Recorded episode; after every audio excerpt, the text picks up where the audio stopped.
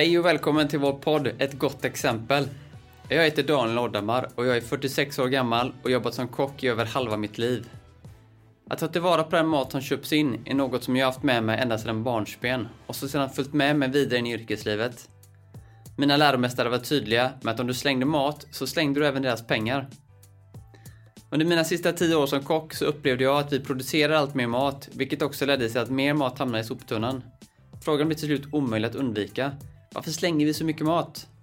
Jag slutade som kock men blev kvar i branschen i hopp om att förändra den. Och det var inget tomt prat, utan jag ville verkligen agera. Jag startade bolaget Generation Waste med en vision om att förändra människors beteende, minska på matsvinnet och i längden bidra till en bättre värld.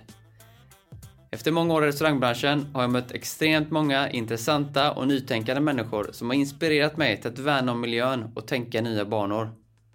I denna podd vill jag lyfta fram dessa människor och deras resor i hopp om att de ska inspirera dig som lyssnar. Idag gästas vi av Sandra Samuelsson från Göteborgs universitet.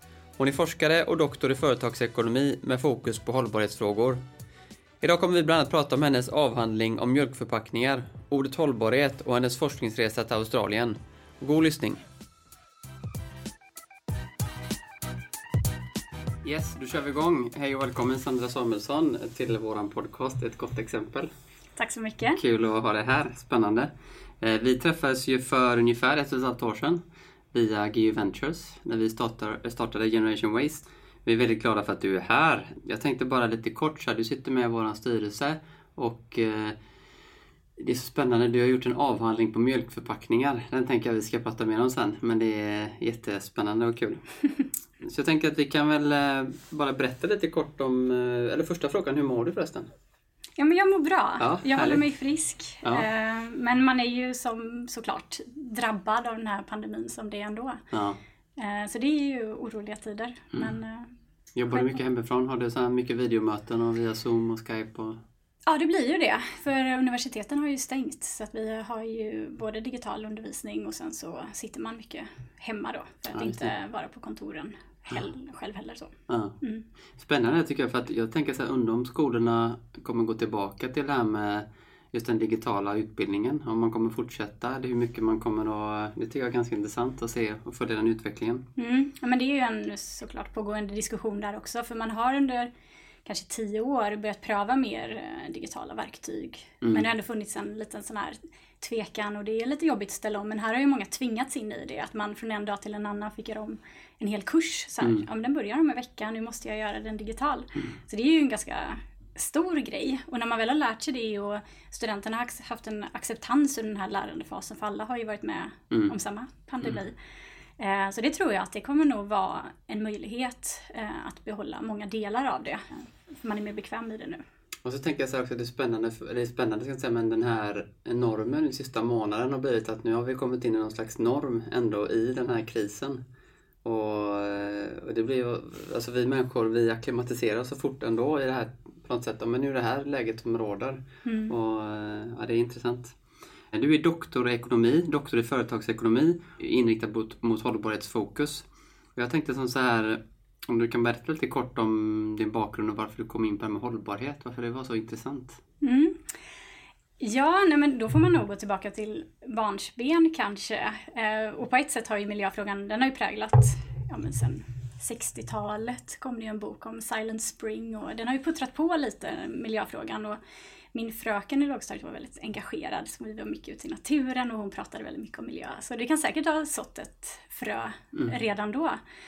Eh, Men sen läste jag ekonomistudier och eh, hade en termin i England när vi tittade mycket på internationell handel och Europaekonomi och sådär. Och då kunde man ju titta på de här stora trenderna, ek- eh, elberoenden, fossil bränsle och liknande. Mycket sådana saker som hade påverkan på internationell handel men också jättestor miljöpåverkan. Och då började jag tänka mycket på att ja, men, de är ju en jätteviktig del att få med om man ska få en förändring. Eh, för att företagen har så mycket som påverkan men också den stora möjligheten. Mm. Så det gjorde att jag eh, läste en master här på Handels i Göteborg eh, med Sustainable Management. Var ute och jobbade lite med just hållbarhetsfrågor i organisationer. men saknade att uh, titta på detaljer och verkligen kunna djupdyka i frågor. Mm. Så uh, då gick jag tillbaka till Handels efter tre år och började doktorera. Spännande. På, ja, den här omställningen just till mm. en mer, mer hållbart företagande och så. Vi ska bara hårdra det, men kan man på något sätt hållbarhet och, och ekonomi, det går ju någonstans hand i hand. Mm. Men väldigt ofta man pratar om miljöfrågor och miljö så blir det väldigt grönt och väldigt eh, lite flummigt. Men någonstans så är det ju faktiskt så att ekonomi och hållbarhet de ligger så nära varandra. Och eh, därför tycker jag det är så intressant med, eh, med din utbildning och det som du gjort innan. Jag tycker det är jättekul. Men just det här med att, när man forska är så spännande. Hur funkar det när man forskar? Um, jag, hade, jag har en granne nu som var lite rolig, för vi är ganska nyinflyttade. Och så frågade han vad vi gjorde och så sa jag att jag var forskare. Och så sa han, men det är jag med! Fritidsforskare, alltså mm. pensionär. um, och att forska är ju ofta att just gräva ner sig i ett ämne väldigt, väldigt djupt ja. och lära sig detaljerna för att sen också kunna gå bort och zooma ut och titta på det från ett större perspektiv. Så inte bara titta kanske på något som är skrivet utan titta på just hur människor agerar och liknande. Så det handlar ju mycket om att vara ute i verkligheten i organisationer och företag för min del då och titta på just vad som händer där för att sen ta ett steg tillbaka och läsa olika teorier och ja, skriva artiklar och industrirapporter och liknande för att mm. också kunna ge tillbaka på ett sätt som hamnar på en lite högre nivå än den specifika organisationen man tittar på. Ge ett exempel som sen också kan skalas upp som visar på en trend eller ett beteende som finns.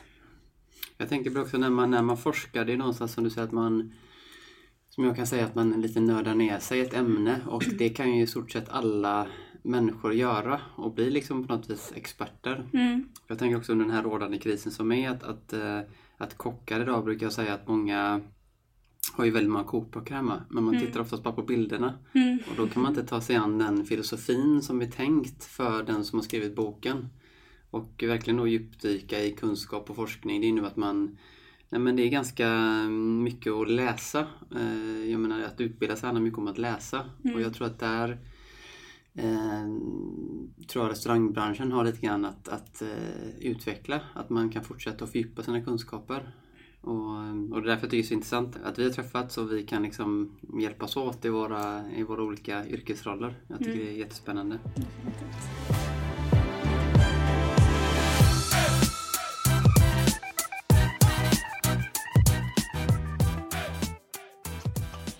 Jag, jag tänker så här, jag möter ju många, mycket folk när jag är ute så här, och jag upplever att, att just det här ordet hållbarhet, eh, jag hörde någonstans på en annan en annan intervju man kan prata om håll, eh, hållbarhet, håll, eh, hållbar, håll bättre, håll bäst. Ah. Att man kan liksom gradera de där sakerna. Eh, hur tänker du med, för ordet hållbarhet är så, det blir så brett liksom. Mm. Det blir väldigt brett. Nästan allting kan ju hamna under hållbarhet. Man kan prata om hållbara samhällen, hållbara företag, hållbara produkter. Det är inget som är fullt hållbart. Att människor som lever har en påverkan, organisationer har ofta en påverkan. Man kan vara mer hållbar eller jobba mot en hållbar omställning eller liknande. Men just att vara hållbar är det är ofta svårt, svårt att nå ja. dit. Eh, så termen kan användas både lite slappt ibland och lite kanske från marknadsföringssyften och liknande. Och det gör det ibland lite svårt att arbeta med det för man måste nästan göra små omskrivningar, att man vill titta på ett fenomen men det är inte den här optimala prisman som är den bästa lösningen utan det är en strävan och ett mål i en riktning.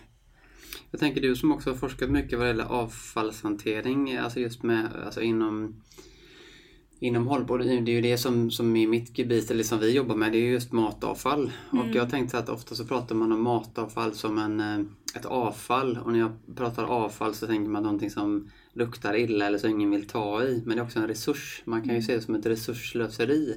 Och när man ser det som en matresurs, då ser man ju också att det är så mycket pengar i, i att, att vi, vi slänger pengar. Och det brukar jag prata mycket om när jag är ute och föreläser. Mm. Och jag tror man kan skala ner det till det man sorterar hemma till större organisationer, då blir det så, ogreppbart nästan. Mm. Och hitta liksom den här eh, eh, det blir så stora volymer och skapa en förståelse för det. Det tycker jag är jättesvårt. Eh. Mm. Ja men det håller jag med om. Eh, och det är ju det man mycket pratar om nu med cirkulär ekonomi till exempel. Att man ska, det, ska inte, det ska inte finnas något avfall för att det är hela tiden resurser. Eh, att man försöker komma högre och högre i avfallstrappan för att ja, men till och med då minimera och ta bort att det ens ja, ta bort överflödig produktion. För det, ofta handlar det om det från början. Att man kanske har ett överflöd av någonting. Det är därför det blir ett avfall eller då någonting som man behöver ta tillvara på. För även ja, men återvinning till exempel, det har ju också en eh, energikostnad. Mm. Eh, det ska ändå ske en rening och ofta kanske smälta ett glas för att sen skapa det igen. Så det är ju inte, det är inte någonting som sker helt gratis heller. Men eh, det, det är en utmaning såklart att ändra någonting. Ofta behöver man ju ha en infrastruktur på plats för att möjliggöra att det fortsatt har ett värde. Eh, att det är en resurs. För även om man kan säga, just mat är ju ett exempel där det faktiskt där är det väldigt tydligt. Det, har, det är en resurs, det har ett värde mm. fram tills det blir ruttet. Men i en bra infrastruktur så har det ju även ett värde när det är ruttet. Och det kan ju också vara att vissa produkter kan ses som ett avfall för man har ingenstans att göra av det. Det kostar för mycket att använda det igen eller man har inte produktionen i samma land där man behöver den, det förny, förny, förnyade materialet. Eller man säger. Det finns en känd kock som, eh, som har en restaurang i Sao Paulo i Brasilien som heter Alex Attala. Och han eh, jobbar mycket med de här de som bor i Amazonas, i djungeln, urinvånarna där. Och mm. han börjar ju att lämna, alltså han, vill, han, han ville ta hand om deras kryddor och deras växter och då vill han återbetala saker till dem i form av burkar och kryddor och glas och sånt. Mm. Och det slutade med att han efter några veckor eller några månader insåg att de hade börjat skräpa ner i naturen med plåtburkar och glasförpackningar. Och då tyckte han att ni måste ta hand om det här, ni, ni skräpar ju ner. Och då sa den här hövdingen då, kom och pekade på näsan så att det var vi har aldrig jobbat med sådana här saker innan. Vi jobbar inte med, alltså i, i djungeln har man ju inga mm. förpackningar. Och då fick han sig en tankeställare att, ja men, ja just det, det var jag som tog hit det. Eh, om man tänker så i det stora perspektivet så blir det ganska intressant. Så mycket som vi, jag kan bara gå till min återvinning hemma i min lägenhet, det blir stora volymer. Mm. Och det är ju någonstans det som är utmaningen. I, mm men jag vet att du, du ju, har ju varit nyligen i Australien. Eh, nästan samtidigt som att min stora son var där också. Mm. Åkte till Australien. Hur, Vi träffades. Ni, Nej. Ja. eh, men vad kul och jag, där jag är så nyfiken för att när du eh, berättar lite om varför du åkte till Australien. Mm. Ja, det är ju en eh, lång flygresa till att börja med, så mm. det är ju någonting, man måste ju ha ett, tycker jag, ett syfte för att mm. åka så långt. Och i det ena forskningsprojektet jag har, då tittar vi mycket på avfallshantering i, i Sverige och i Australien då i det här eh, projektet. Och den ena forskningsdeltagaren sitter i Brisbane i mm. Australien. Så vi åkte dit för att uh, förstå hela den kontexten då. Mm. Jämförde ni Sverige och vad tanken skulle jämföra Sverige och Australien? På ett sätt, eller dra lärdomar från de olika länderna. Eh, för det är också ett ehm, pedagogikprojekt, så titta mycket just på lärande och eh, avfallshantering. Australien är duktiga på waste management, för de har, vatten är en eh, har de, har de lite av. De måste tänka och bli bättre på att förvalta det och inte överanvända och liknande. Jobba med det ganska mycket i pedagogiska material. Medan i Sverige har man ju kommit långt med nästan all typ av ja, men av källsortering och eh, matavfall och liknande. Att där jobbar vi mycket för att förvalta det. Mm. Så det finns, man kanske inte har jobbat lika mycket med pedagogik på det sättet. Men eh, när man var där på plats och ser att det är ju ett väldigt stort land Australien med ganska få invånare så att plats har inte varit ett problem. Så de har inte riktigt tvingats att ställa om på samma sätt utan de kan fortfarande ha soptippar till exempel. Det lämnade ju vi för ganska många år sedan. Mm. Här har man ju istället byggt en avfallsinfrastruktur mycket mot eh, energiåtervinning och källsortering och eh, just å, vanlig återvinning och liknande. Men där kan det fortfarande vara just det här att det verkligen är avfall. Och man eh, då kan lägga det på en soptipp och där ska det hamna väl. Och det är ju faktiskt likadant med eh, ehm, de har FOGO i vissa regioner, det är inte ens överallt. Ibland slänger man matavfallet i den vanliga soporna som antingen då läggs på soptipp eller bränns. Mm. Vad betyder FOGO? Eh, det betyder um, Food and Organics.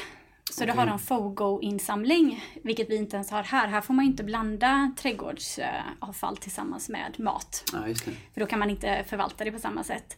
Men där får man blanda det och då blir det inte heller samma möjligheter att arbeta vidare med det, för det är lite för smutsigt avfall. Men det i alla fall sorteras ut. Mm. Um, och när man, in, när man har kanske en lite gammal infrastruktur då, vad vi tycker i alla fall. Men att det börjar komma en del internationella påtryckningar att ja, men soptippar till exempel, det läcker jättemycket gifter. Och där när de har de här temperaturskillnaderna och så, så kan det bli ganska mycket gift som, som läcker ut från soptippar. Sen har de nu också haft utmaningen att de har haft återvinningsbart material som de har skeppat till andra länder, grannländer såsom Indonesien och Kina. Men nu har de börjat tacka nej till deras material.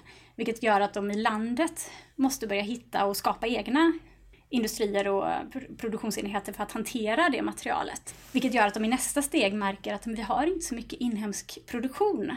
Så även om vi återvinner det här materialet så är det inte säkert att det finns någon som har behov av det. Så hos dem har det blivit ganska tydligt de olika delarna av kedjan och att man måste både ha eh, ja, efterfrågan och en produkt i det för att det också ska bli, kunna bli ja, eh, en resurs och inte bara ett avfall. Så man kan säga att de importerar väldigt mycket råvaror och sen då egentligen förr hade de möjlighet att skicka tillbaka returemballaget. Mm. Men nu, vill de, nu är de helt enkelt fast i att de måste även ta hand om det returemballaget som de även importerar då. Ja, och det mm. växer ju ganska snabbt i volym. Mm. Så det kan ju vara till exempel eh, läskflaskor eller så mm. plastflaskor hörde jag som exempel. Det mm. importerar man. Och det blir ju jättemycket och det är fin plast ofta som mm. man skulle kunna använda igen. Men produktionen ligger då inte i landet. Eh, så det är en sån typisk del då när den här cirkulär, cirkulariteten stöter på patrull. Ehm, men en annan del just med eh, matavfall och liknande, det är ju att de har inte kommit så långt i Australien men också de frågorna har börjat väckas och de tittar ju såklart jättemycket på Europa och andra delar av världen. Så även om man samlar in delvis i vissa regioner så är det ju ofta att man inte då kan använda det som en resurs. Och de har inte infrastrukturen. Men det kan också skapa möjligheten till små, eh, mer innovativa lösningar. Där man då kan egentligen kapa några steg i utvecklingen och gå direkt och bli jätte... Verkligen skapa en direktöverföring så en produkt kan användas direkt igen. Jättevärdefull resurs. Mm.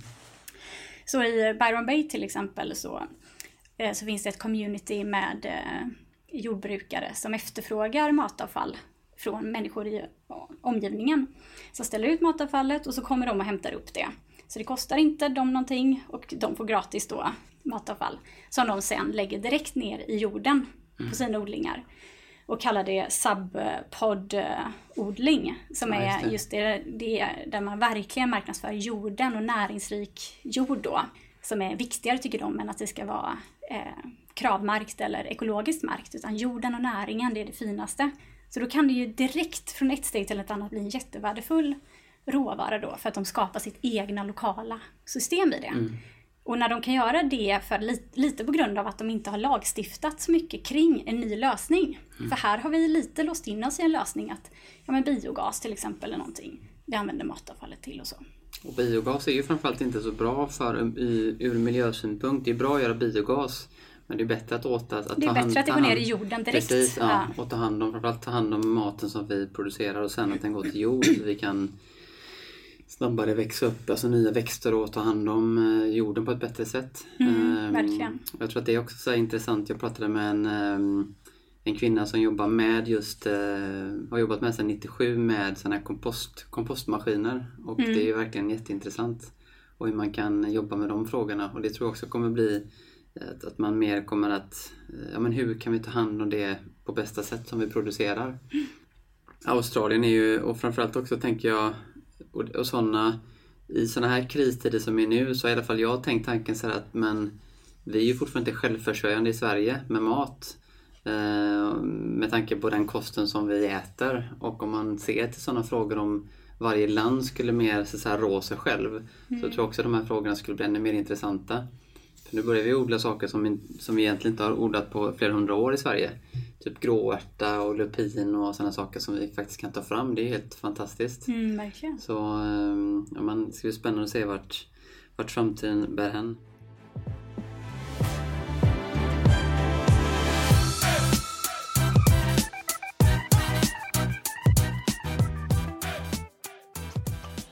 Jag tänker också, men, men vi, vi, vi, kan vara kvar i Australien och lite med förpackningar för det som är intressant att du har ju faktiskt gjort en avhandling om mjölkförpackningar som mm. jag tycker är så intressant. Mm.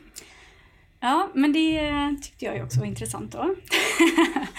Eh, och egentligen det jag tittade på var just för, för till synes så gjorde man ju mjölkförpackningen mindre hållbar i att man satte extra plast på till exempel. Mm. Eh, man hade ju först en brickförpackning som såg ut som en tegelsten mm. som var väldigt optimerad, eh, jätteeffektiv i transport till exempel och just hela logistikkedjan. Det var bara exakt så mycket som det var mjölk i den. Mm.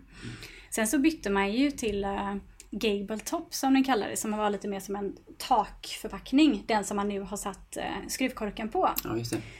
Och då tappar man från 180 förpackningar till 120 förpackningar på en sån eh, större vagn. Så ganska stort i logistik för att det är ju en volymprodukt. Det tappar man ganska mycket då. Men med anledning till att den skulle vara lite mer användarvänlig.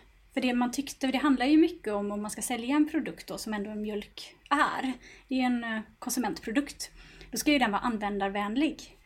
Och den här tegelstenen var det många som tyckte att den kändes lite ofräsch när den inte gick att stänga och den var svår att hälla och lätt att spilla till exempel. Eh, men det nya då, men när det var mer som en pip, då kunde man i alla fall stänga till den lite mer, det gav en annan fräschhet. Men också att det var lite olika företag som marknadsförde de olika produkterna. Men sen att man satte en plastkork på det och i tider när det var väldigt mycket prat om miljö, varför gjorde man det? Mm. Det var ju jätteförvånande tyckte jag. Eh, och det var, i början var det en skillnad på att man behöll den ekologiska mjölken utan en skruvkork. Men den andra, den mer eh, vanliga då mjölken, ja, den satte man en skruvkork på. För man tänkte att ja, men den ekologiska mjölken, de konsumenterna vill inte ha skruvkork för det är plast och det är lika med dåligt.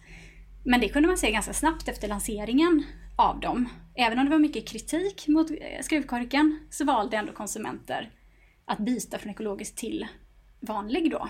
Eh, för att det fanns en bekvämlighet, en användarvänlighet. Man trodde till exempel att dofter inte skulle kunna komma in i mjölken lika lätt. Om man har till exempel lök kan det ju bli att ja, men den kan ju sprida sig. Vilket inte var sant, men det gav ändå en sån känsla att det var en fräschhet. Många svenskar har ju det ganska bra och kanske åker till sommarstugan på helgen eller liknande. Då kan de plocka med sig mjölken, de behöver inte alltid köpa exakt nytt och därför behöver de inte slänga. Och det är just den här kombinationen, för ibland när man pratar om till exempel förpackningar, då pratar man om dem som att de är en separat produkt. Men de är ju skapade för att skydda själva mm. huvudråvaran då, och i det här fallet mjölken. Och mjölken har ju faktiskt större klimatavtryck än vad en förpackning har. Eh, så det, det är ju en anledning till att göra den, ja men kanske säkrare då att kunna transportera med till exempel än att hälla ut halva när man lämnar sommarstugan på helgen till mm. exempel. Så det finns många olika aspekter i det som gör att beteendet och drycken har ju mycket att göra med vilken typ av förpackning man faktiskt har. Mm. Och sen så småningom har man ju också sett att ja, men den här plasten den har inte varit attraktiv. Då har man bytt till en, en eh, sockerrörsplast eh, eh, som man använder istället då. Som, då kommer det från sockerrörsplantage i Brasilien mycket och det kan ju också ha sin påverkan men då är den i alla fall förnybar på ett annat sätt och mm. grön då. Skulle, skulle man, så man kan säga som så att den, den är gjord från början för att, för att kunden vill uppleva att, eller man vill ha en fräschare produkt egentligen. Man vill kunna stänga locket och inget kladd på kanterna. Så, så från början är det egentligen ett, en önskan från konsument att man vill ha en, att, att det ska vara fräscht helt enkelt. Det här mm. med, jag tänker också på det här med, eh, jag var på ICA häromdagen och handlade eh, och eh, de har tagit fram sådana här, eh, när man, när man plockar frukt och grönt så kan man ta en papperspåse och i mm. samma papperspåse sen kan man använda sen och sätta i sin, eh, i sin, för sitt matavfall mm. eller matresurs i, i hemmet. Mm. Och då har man ju liksom fått en win-win istället för att vi tar en plastpåse som lever liksom en halvtimme som sen bara kasseras. För jag tänker för mig är det också så här hela det här butiksfenomenet med att man vi ska ha så mycket olika sorter och det, det, det är liksom precis som att vi eh, finns det inte. Jag, jag tänker nu när man ser i butikerna så är det slut så är det slut. Mm. Vi i Sverige har aldrig upplevt en kristid. Aldrig någonsin. Men helt plötsligt så var det kris på toalettpapper ja. och då får folk panik. Och där mm. ser man också att vi människor följes, vi går i samma ström hela tiden. Det är liksom att vi eh, och det kan man verkligen se också i restaurangbranschen det här med om man nu ser vad som kommer hända till hösten men eh, jag tror att vi kommer helt, ett helt blankt papper vad det gäller menyer och utbud och, och efterfrågan, alltså utbudet och hur det kommer att se ut framöver. Det kommer nog ritas om ganska mycket mm, i, i kartan. En liten passus där, jag kommer ihåg när vi hade mjölk när jag var liten, då hade vi en sån här stål eh, man satte mjölkförpackning i en sån här som en hållare i den här liter som man kunde hälla som massa pollen den här. Det var så här. Supersmart. Ja. Men det är också, om man tänker då på, ja men det var ju några år sedan du var liten och så mycket har ju faktiskt inte en mjölkförpackning förändrats över de här åren. Och när jag tittade på mjölkförpackningar så kommer jag från ett organisationsperspektiv. Och lite av förundran är ju just att ja, men en sån här då enkel teknologi som en förpackning är. Varför ser vi inte större förändringar? Varför, ja, men varför ser den ut som den gör? Och då är det ju många, både många företag men också lagstiftning och industristandarder som ganska mycket låser fast en teknologi eller en innovation eller en, ett objekt som gör att förändringar kan vara ganska svåra. Och det är ju det man kan se överlag när det kommer till, men kanske som matavfall och liknande. Att man har någon infrastruktur på plats och då, ska, då är det att vi har eh, valt eh, biogas som en del av att förvalta det istället för att använda det i jordbruket till exempel. Så att man, det blir sån här inlåsning hela tiden. Så därför är det viktigt, tyckte jag då, att titta på en väldigt enkel förpa- eller, teknik. Men det kan man ju skala upp om man nu pratar om förändringar i samhället. Att det är svårt att ändra en mjölkförpackning. Då kanske vi måste titta på riktigt på hållbarhetsfrågorna. För då är det klart att det är svårt att ändra flyget, eh, bilarna, ja, de här riktigt svåra teknologierna. En mjölkförpackning kan man ju ändå följa genom alla led. Så det är, ju, det är väldigt svåra och stora frågor när det kommer till den här samhällsförändringen då.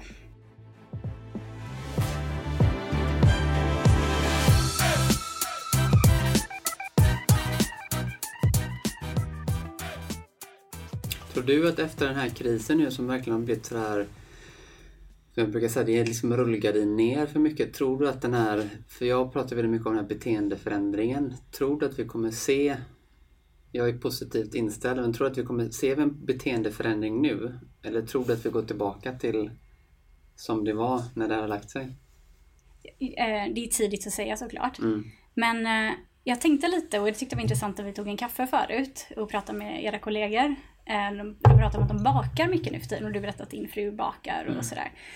Och det tror jag faktiskt att det kan vara en av de här sakerna att vi faktiskt går ner i tempo. Man har tid till exempel i hemmiljö att eh, ja, men förvalta eller hantera saker på ett annat sätt. Man kanske renoverar, tar hand om trädgården, lagar mat från grunden eller bakar och liknande. Att de här eh, delarna kanske blir någonting som vi ser ett värde i mer. Att man börjar tänka på kvalitet på ett nytt sätt. För man har ju velat komma bort från slit och släng-samhället, men det har ju varit ganska svårt.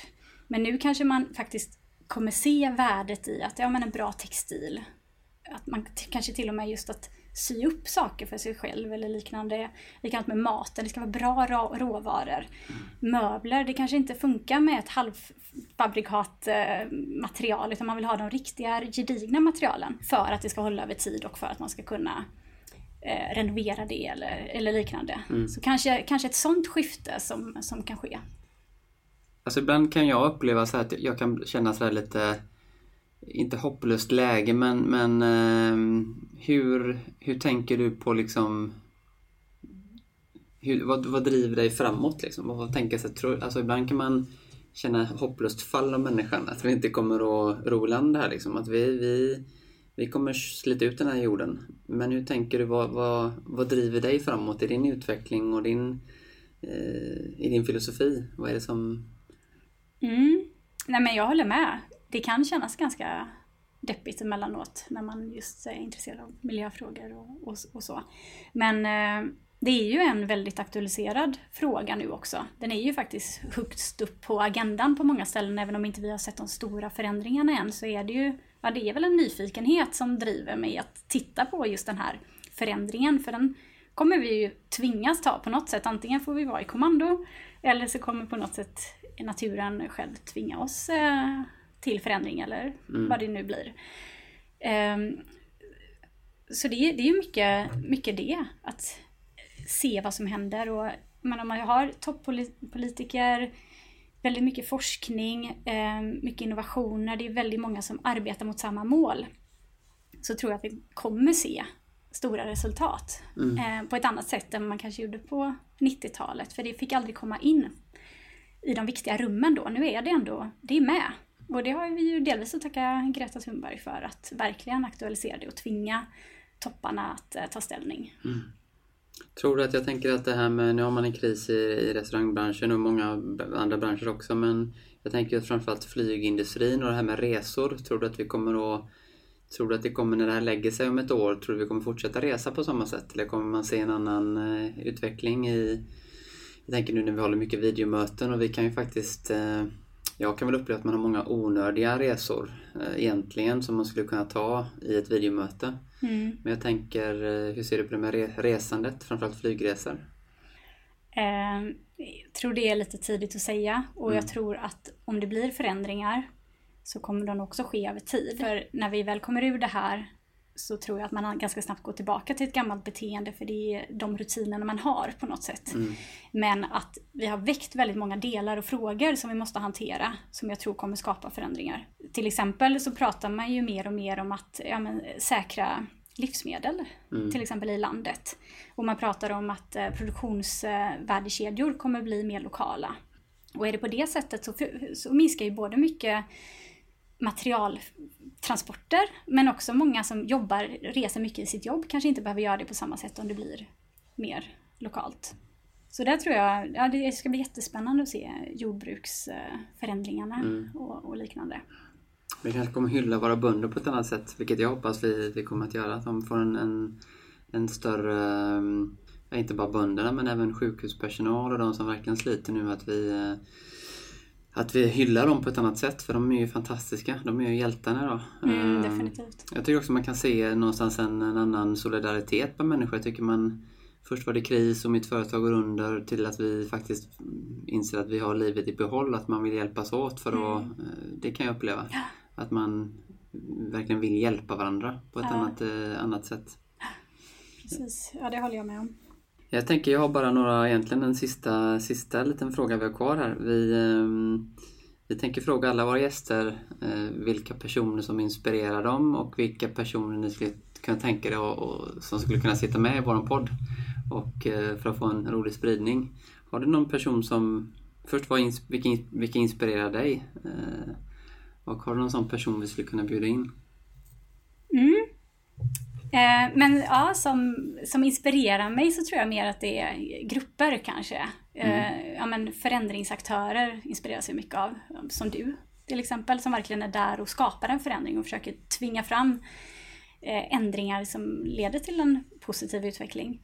Mm. Och sen är det ju, som du nämnde precis, det är ju samhällshjältarna. Mm. Kommer själv liksom mamma som är sjuksköterska och de har slitit hela sitt arbetsliv och äntligen så både får de ju lite uppmärksamhet men de sätter ju också sitt liv på spets på ett helt, eller på, till fara på ett annat sätt än vad många gör. Mm.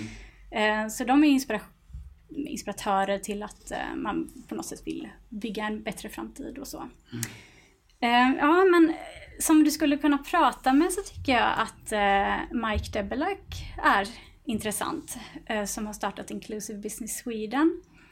De arbetar mycket i eh, utsatta delar av världen och bland annat Afrika eh, med lokala entreprenörer. Så där tror jag också det kan finnas ett intressant eh, lantbrukar eller jordbrukarperspektiv med den typen av entreprenörskap. Så jag skulle nog hänvisa dig i den riktningen. Mm, spännande. Då får vi lägga det på en lista. Nej, men vad bra. Ett, ett sista, ett sista här, tips till, ett sista hållbarhetstips till gemene man. Vad kan man tänka på då? Ett hållbarhetstips är väl egentligen att omfamna den, eh, det lokala livet man tvingas leva just nu. Mm. Att eh, ja, men kanske förverkliga vissa hobbys man inte har. Man har kanske inte lärt sig så mycket om matlagning. Man kanske har just beställt mer halvfärdigt eller liknande. Det finns mycket olika hantverk man kan lära sig eh, på det sättet. Mm. Och även i trädgården eller eh, ja, men vara ute och motionera och lära sig, varför inte fågelskådning? Mm. Nej, men just att eh, finna glädjen i, i det lokala och för konsumtionen känns ju ganska onödig som det är just mm. nu när man inte ska iväg på jobb eller resa mm. på det sättet. Ja, och vara, försiktig med det man har för att mm. ta bort matsvinnet mm. och andra. Ja, super. Jag har aldrig varit så insatt i min sons läxor som jag varit sista månaden. Ja, så det är något positivt. Det är din nya hobby.